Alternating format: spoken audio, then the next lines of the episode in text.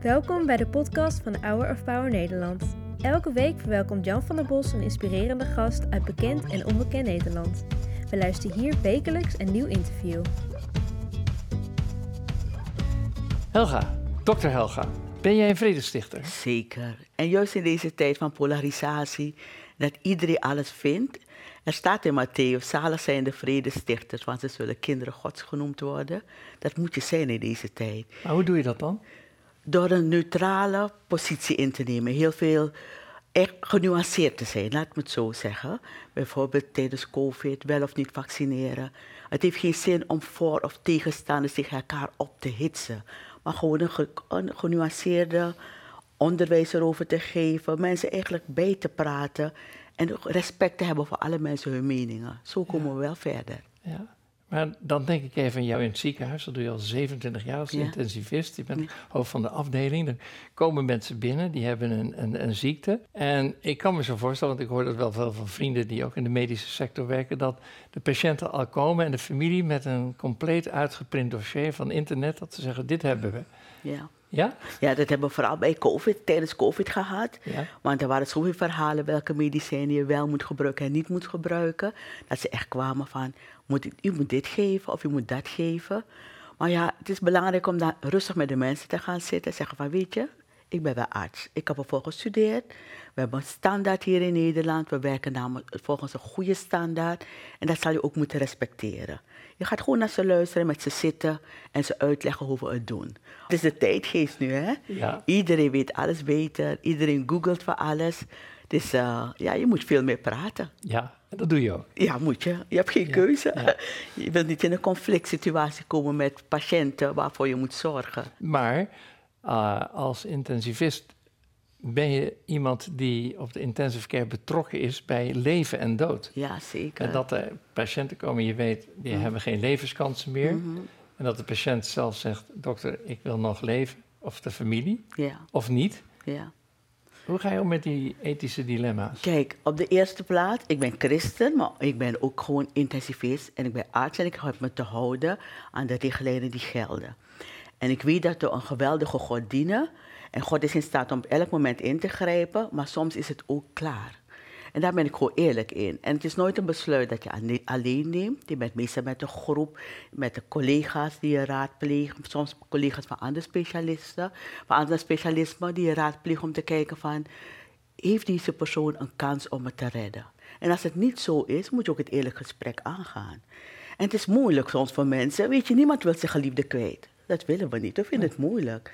Om verschillende redenen. Gewoon omdat je, je wilt ze nog heel lang bij je hebben. En dat moet je ook erkennen. Als ik het gesprek aanga met de familie, zeg ik altijd, ik begrijp het. Zeker als ik weet dat ze niet willen loslaten, is het belangrijk om ze ook te zeggen, ik begrijp het. Ik snap het. Ik snap het. Je houdt van je moeder, je houdt van je vader of je houdt van je kind. Ik snap het heel goed. Zeg maar, ik ga uit huis ook om mensen beter te maken. En daarvoor ben ik eigenlijk hier. Maar soms moet ik loslaten. Ook ik moet, los, moet loslaten. Als ik iemand niet beter kan maken, moet ik het loslaten. En ik moet het eerlijk verhaal aan u vertellen.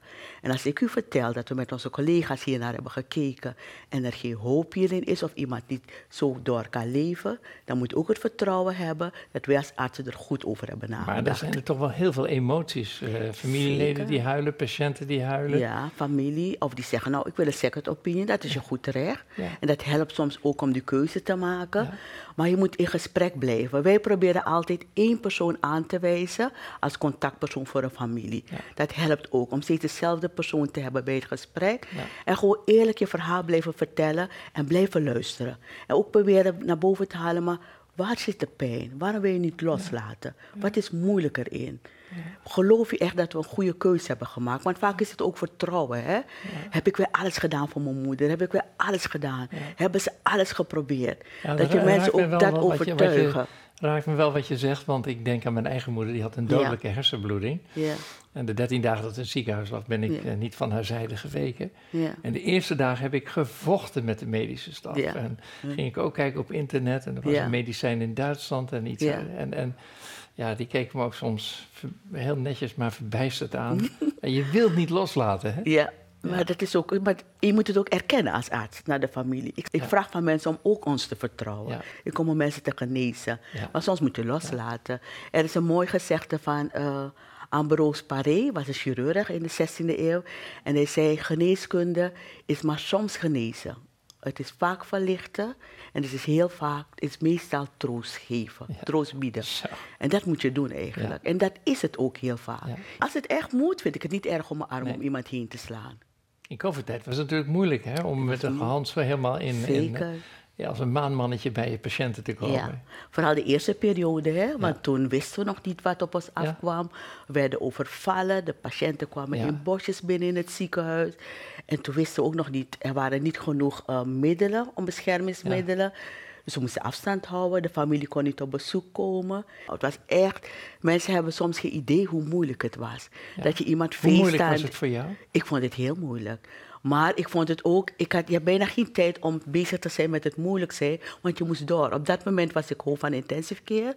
Dat ben ik sinds 1 januari niet meer. Maar je had een belangrijke rol. Je moet zorgen dat er genoeg personeel is. Je moet je personeel motiveren. Het personeel moest op een andere manier werken. Waar ze normaal voor twee patiënten zorgden, moesten ze soms voor vier patiënten zorgen. Met ondersteuning van andere afdelingen, van de verpleegafdeling, van de operatiekamer. Dus ook zij moesten anders, anders werken.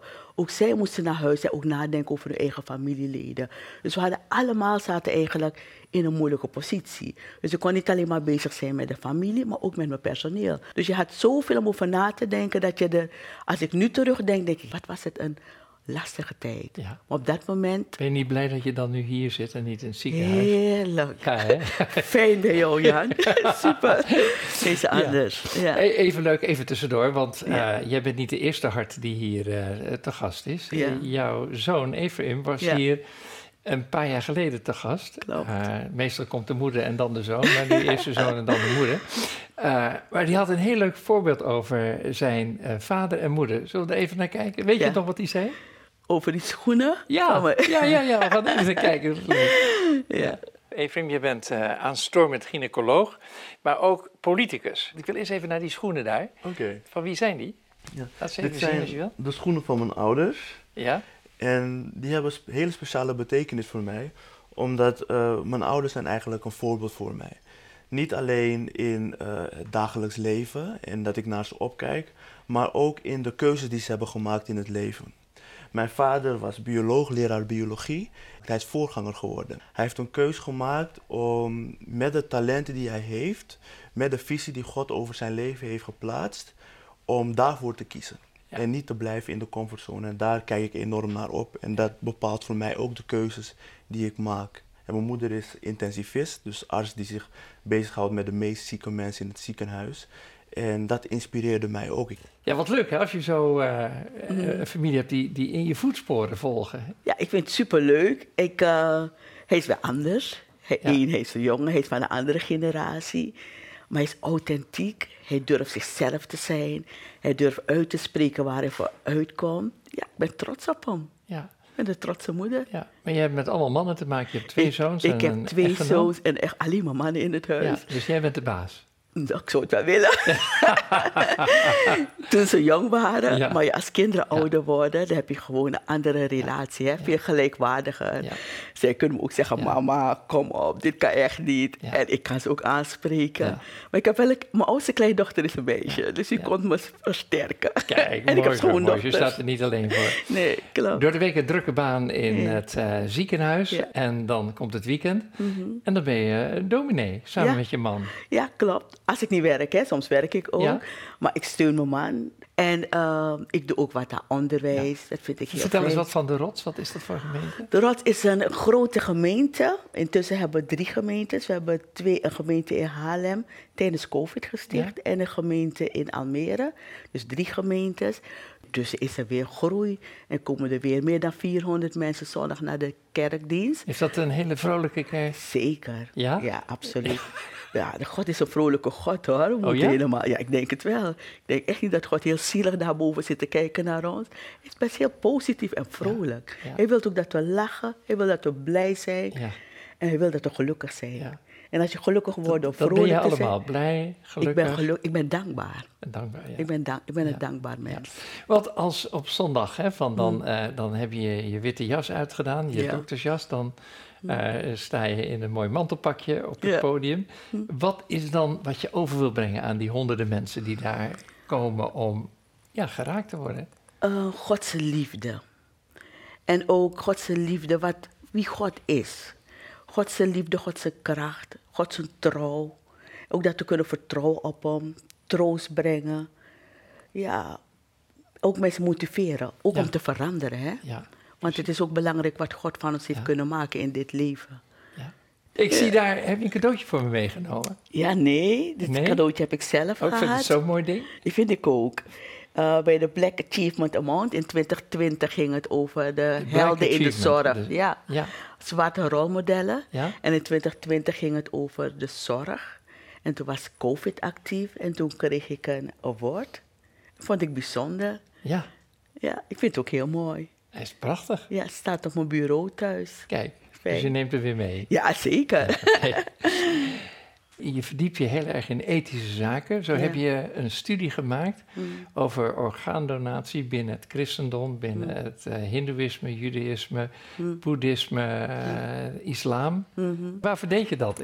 Nou, toen orgaandonatie echt een hot item werd, toen dacht ik, ja, maar hoe sta ik erin? Weet je, ik vind het belangrijk, juist omdat ik arts ben en ik ben een christen, wil ik even kijken, hoe staat de Bijbel erin? Wat is wijsheid? En dat draag ik ook uit. En in die zin, ik vind niet dat het mijn taak is om mensen te overtuigen. Maar het is wel mijn taak om mensen onderwijs te geven. En dan laat ik in het midden welke keuzes ze maakt. Als ze mij vragen, wat ga jij doen? zeg ik, ik, sta, ik ben voor orgaandonatie. Maar ik vind dat je mensen wel in hun respect moet geven. Het probleem is, er was geen orgaandonatie in de tijd dat de Bijbel werd geschreven. Het bestond er niet. Dus mensen gaan nu teksten gebruiken om ja of voor of nee of tegen te zijn. En dat maakt het een beetje Daar zijn we ingewikkeld. goed in, hè? Daar zijn we heel goed in. Maar ik vertel ook als ik onderwijs geef, weet je, er zijn mensen die dit vinden, er zijn mensen die dat vinden. En dan weet je wat mooi is om het verschil te zien. De katholieke kerk, daar is het heel makkelijk. De paus is aan het hoofd. En als die zegt, wij mogen organen afstaan, dat doet de hele katholieke kerk. Ja. Maar wij protestanten, die hebben twintig stromingen. En 20 elke, maar? nou overdreven, we hebben heel veel stromingen. Ik denk wel honderden. Ja, precies. En dan maakt het het heel lastig, want elke, binnen elke stroming heb je ook nog verschillen. Dus je hebt niet één mening over orgaandonatie. En dat heb je ook bij het jodendom, heb je conservatieve, orthodoxe en liberale. Bij de moslims heb je ook zoveel stromingen, dus er is niet één antwoord. Wat dat betreft is de katholieke kerk het makkelijkst. Men moet het niet zien, hoe je er ook over, na, over denkt, je moet het niet zien van dat je een offer brengt. Ja. Alleen Jezus heeft een offer gebracht. Weet je, we moeten ook niet, en men is ook heel voorzichtig over het techniseren van de gezondheidszorg. Hè? Wat kan wel en wat kan niet. Ik denk dat de komende jaren en de komende honderd jaar er veel meer gaat gebeuren. Waarbij wij ons moeten afvragen, wat vinden we ervan? En wat kan wel en wat kan bijbels gezien niet? Het wordt niet alleen maar makkelijker, juist omdat er zoveel kan. Hè? Ja. En, ehm, ja, die medische zorg die maar voortschrijdt en, en levens kan verlengen. En die, levens eh, kan 100 verlengen, jaar. kan beïnvloeden, al in de moederschoot. En daardoor gaan we heel vaak moeten Vind je niet nadenken. een angstige tijd? Want we zijn zo ongeveer zover dat we mensen kunnen maken. Hè? Ja, ja angstig. Het is, het, je moet alert zijn. Je moet heel goed nadenken. Ja, ja. En moet bij elke stap moet je overwegen, wat doen we, hoe staan we erin? Dan vind ik het ook, ben ik ook blij met christelijke politiek. Hè? Want stel je voor, onze stem moet wel gehoord worden, dat er andersdenkenden ook in het land zijn en er ook mogen zijn. Ja. Weet, ik vind het belangrijk. Maar er gebeurt veel. Wat leuk dat meisje dat in Suriname geboren werd, Mhm. in een heel gewoon gezin. Ja. En dat nu een toppositie heeft in de medische wereld. Mhm. Wat hoop je dat mensen van je zeggen als je er ooit niet meer bent? dat ik invloed heb gehad ook op andere mensen, op jonge mensen. Ik, heb, eh, hier, ik kom uit een eenvoudig gezin, maar een sterke moeder vooral. Want mijn moeder echt sterk. Ze durfde alles. Mijn moeder was nergens bang voor. Als we nu terug over de, als we over de praten en terugdenken aan hoe ze was. Ze was verpleegkundige en ze werd later hoofd van de bloedtransfusiedienst van het Rode Kruis in Suriname. Als verpleegkundige. Weet je, in die tijd reed bijna niemand de auto en zeker vrouwen niet. Mijn moeder haalde de donoren op, bracht ze naar het kantoor, prikte zelf. Ik vond haar echt een stoere vrouw. Ook als ik terugdenk, denk ik, ma, wat was je toch een stoere vrouw. De appel mijn- is niet ver van de boom Nee. mijn vader was een strenge man, maar ook op een andere manier stoer. Ze hebben ons altijd geleerd om iets, dat we iets moeten betekenen voor de maatschappij. Ja, We mogen niet lui zijn. We mochten echt niet lui zijn. nou dat We moesten ons niet. best doen. We moesten, ze eisten echt van ons dat we iets van ons leven maakten. Ja. En dat probeer ik ook. Geef ik ook aan jonge meisjes mee om een weg te vinden in het leven. En welke doel je kan bereiken. Hè? Wat is het mooiste wat je ooit is overkomen? Goh, mijn kinderen, mijn kleinkinderen nu. Oké. Ja, vind ik echt prachtig. Nou, dan is het leuk als oma straks eh, bij de kleinkinderen op visite gaat. En dat ze iets kan laten zien wat je nu nog niet hebt. Oké, zeker. Maak ik je nieuwsgierig? Heel erg. Leuk. En dat is het credo van eh Hour of Power. Oké. Je bent geliefd. Heb je een idee wat erin zit? Nee. Dan mag je hem openmaken, Oh, alsjeblieft. ik ben heel nieuwsgierig. Ja, Oeh, een armbandje. Wat Ja. mooi. ja, Met een hartje. Nou, ik vind het prachtig. Dankjewel. mevrouw Hart. Die gaat met een Dankjewel. hartje weg. Ja, heel fijn. Oké, hartelijk dank voor dit eh, gesprek en hoe jij in het leven staat, ook Ja. vanuit je medische optiek, maar ook Mm. als gelovige. eh, Dat vind ik echt fantastisch. Dankjewel. Bedankt voor het luisteren naar het interview van deze week. We hopen dat dit verhaal jou heeft bemoedigd. Wil je meer weten over Hour of Power of andere interviews bekijken? Ga dan naar www.hourofpower.nl